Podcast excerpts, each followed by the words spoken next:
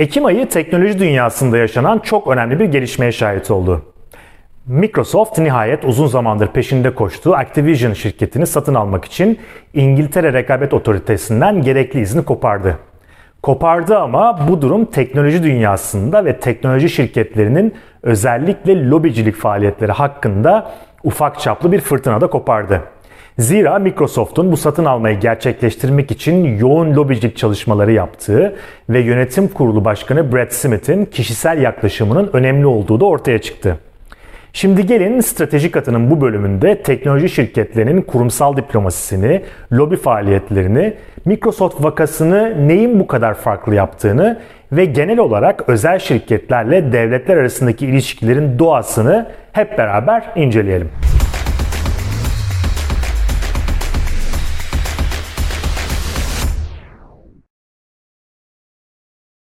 Evet Microsoft Activision Blizzard'ı 21 aylık bir mücadelenin sonunda 75 milyar dolara satın almayı başardı. Neydi bu mücadele peki? Satın alma işleminin İngiltere Rekabet Kurumu olan Competition and Markets Authority ya da kısaca CMA, Türkçesiyle Rekabet ve Piyasalar Otoritesi diyebiliriz, tarafından onaylanması süreciydi. Yani bu satın almanın o kurum tarafından bir onayı gerekiyordu. Böylece video oyunları endüstrisinin şimdiye kadarki en büyük anlaşması üzerindeki belirsizlik de nihayet sona ermiş oldu.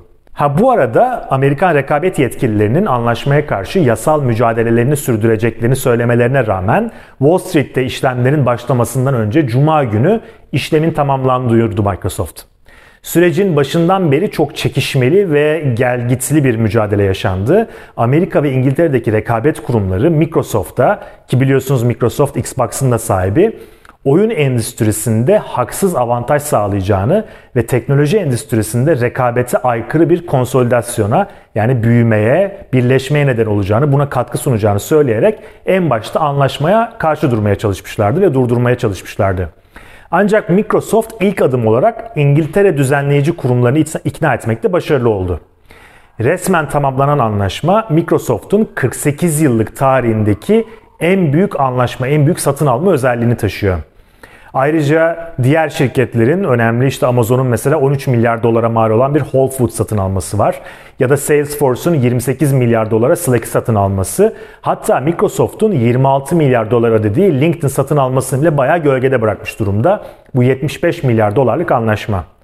Tabii CMA yani İngiliz Rekabet Otoritesi bu uzlaşmanın Microsoft'a verdiği bazı tavizler neticesinde olduğunu açıkladı. Microsoft bu tavizleri vermeseydi CMA bu izni vermeyecekti yani anlaşılan. Peki neydi buradaki önemli konu? Yani CMA neye bakıyordu? İlk soruşturmasında Microsoft'un bulut oyunları ile ilgili olarak zaten güçlü bir pozisyona sahip olduğunu tespit etmiş ve bu anlaşmayı en başta engellemişti CMA. Activision'ın bulut yayın haklarını Fransız Ubisoft'a satılması bu engeli aşmakta faydalı oldu.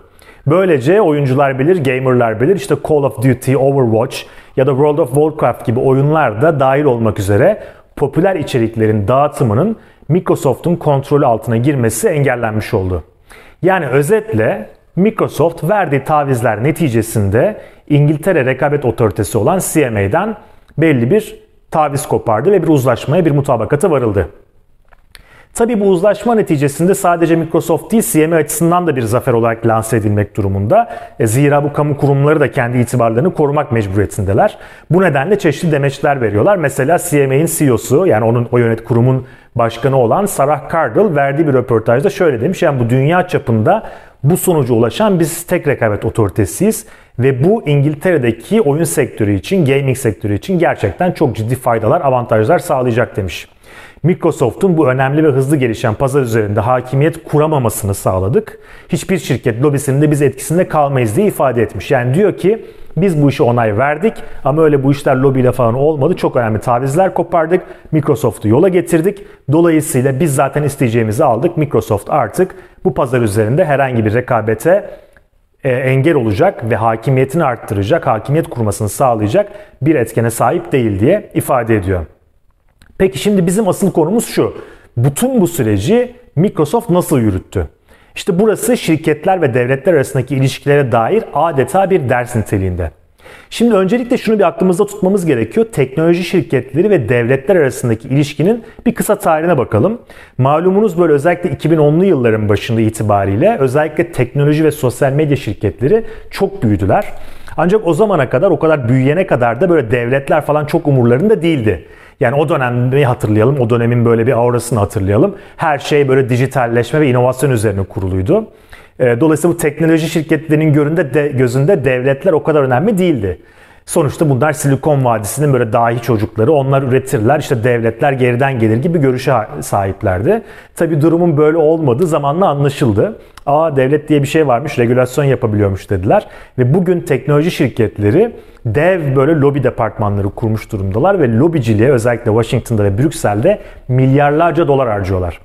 İşte bunların arasında Microsoft aslında biraz daha farklı bir hikaye sahip. Zaten bu bölümünde farklı olmasını ve Microsoft vakasını incelememizi neden olan şey bu. Neden? Çünkü Microsoft bu konuda 1990'ların başında yaşamış olduğu çok büyük bir tecrübe var. O zaman da yine bir rekabet otoritesiyle başı derde giriyor ve çok büyük bir mücadele veriyor. Yani aslında Microsoft bu filmi diğerlerine göre çok önceden görmüş vaziyette. Tabiri caizse o zaman burnu da bayağı bir sürtülmüş. Dolayısıyla bu Activision meselesini oldukça hazırlıklı bir şekilde geldi. Şimdi burada ufak bir parantez açayım. Teknoloji ve regülasyon arasındaki tartışmaların kızıştığı bir dönemde böyle 2019 yıllarında Atlantic dergisinde benim gözüme bir makale çarpmıştı. Böyle başlığı teknolojinin daha fazla regülasyona ihtiyacı vardı. Ben de böyle Allah Allah falan demiştim. Bunu kim yazmış diye düşünürken Yazanın Microsoft'un yönetim kurulu başkanı ve baş hukuk müşaviri ve aslında tüm bu e, lobicilik ve dış ilişkilerinden sorumlu olan Brad Smith olduğunu görünce iyice şaşırmıştım. Yani lobicilikten sorumlu birisi nasıl daha fazla regülasyon ister özellikle bir teknoloji şirketinde diye. Sonra biraz daha araştırdım. Bir de kitabı var. Tools and Weapons isminde. Çok da enteresan bir kitap. O da teknolojinin regülasyon boyutunu özellikle ele alan ve kendisini gerek kendisini gerek şirketini diğer teknoloji şirketlerinden biraz ayrıştıran, farklı bir yerde konumlayan bir eser. Şimdi diğer şirketlerin genel yaklaşımı devletlere göre aman regüle etmeyin, aman yapmayın, teknoloji önden gidiyor, inovasyonu engellemeyin gibi bir yaklaşımları var. Microsoft ise evet bizi regüle edin ama nasıl edeceğinizi gelin beraber konuşalım diyerek biraz daha farklı bir strateji izliyordu ta o zamandan beri. Ben de bu stratejiyi aslında bir kurumsal ilişkiler stratejisi olarak çok daha sofistike bulmuştum. Dolayısıyla bu Activision sürecindeki tutumlarını yakından incelemenin faydalı olacağını zaten düşünüyordum.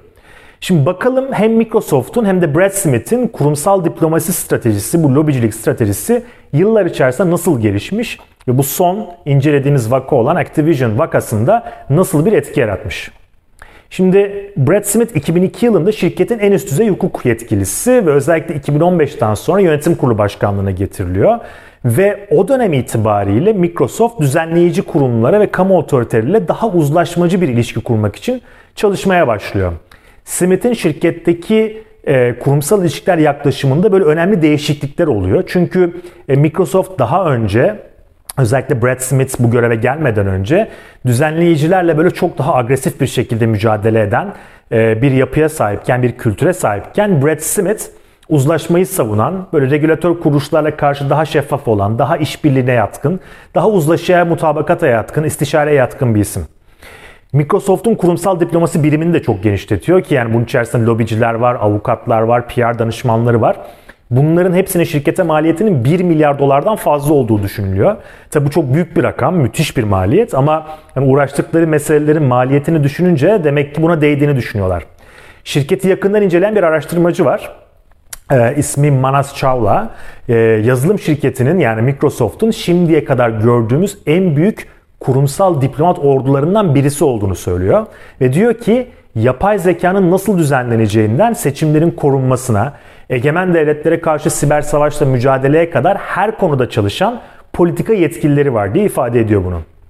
Bu Smith'in kurumsal diplomasi ordusunda yaklaşık 2000 kişi olduğu tahmin ediliyor.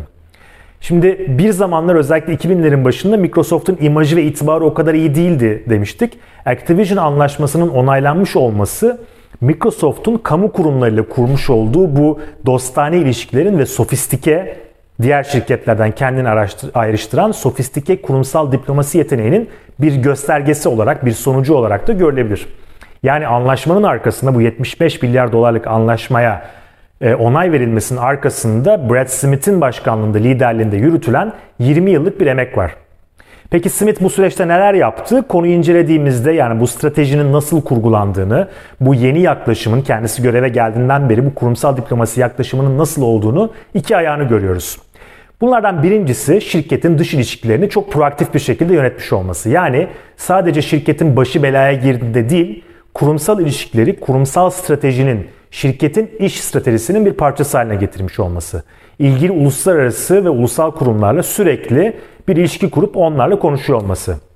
Hatta öyle ki Microsoft diğer teknoloji şirketlerinden daha fazla çaba sarf ettiğinin bir işareti olarak 2020 yılında Birleşmiş Milletler'de bir temsilcilik ofisi kuruyor ve örgütün New York'taki genel merkezine yakın bir yerde de bir bina katı kiralıyor. Hatta bir ara Ukrayna Devlet Başkanı Zelenski şirketi ziyaret ediyor orada New York'tayken ve kendi ülkesine böyle bir e, yatırım çekmek için teşviklerden falan bahsediyor. Şimdi bu proaktif çabanın bir parçası olarak Smith şirketin attığı ticari adımların regülasyonlarla uyumlu olmasına dikkat ediyor.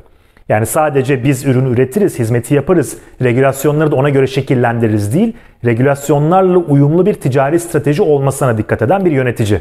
Mesela geçtiğimiz yıl Microsoft'un bulut lisanslama uygulamaları hakkında rekabet incelemesini başlatma tehdidinde bulunan şikayetlerle karşılaşınca kamuoyu önünde özür diliyor ve şikayetleri ele alacağını söyleyeceği bir değişiklikler, politikalar silsilesi duyuruyor. Yani şikayetleri önceden engellemek için gayet proaktif bir tutumu var. Smith'in ekibinden birinin şöyle bir beyanı var. Diyor ki rekabet vakalarından öğrendiğimiz şeylerden biri şuydu. Zor sorunlarla karşılaşmadan önce devletlerle ilişki kurarak, etkileşime geçerek ve insanların yani oradaki karar vericilerin, bürokratların işimizi anlamasını sağlamakta biz çok iyiyiz. Bu diyor temel bizim şirketimizin öğrendiği çok önemli derslerden birisi. Ne zaman öğrendi bunu? Te dediğim gibi o 1990'lı yıllardaki zor soruşturmadan. Bu birinci kısım yani proaktif olma ve sürekli ilişki kurma birinci kısım. İkinci kısım ise bu stratejinin Microsoft'un kamunun ihtiyaçlarını da karşı teknoloji alanında güvenebileceği bir ortak bir paydaş olarak konumlandırılmış olması. Mesela teknoloji politikalarından siber saldırılara, acil e, durum desteğine kadar her konuda yardım isteyen hükümetler için Microsoft'u yararlı, güvenilir bir kurum haline getirmeye çalışıyor Brad Smith.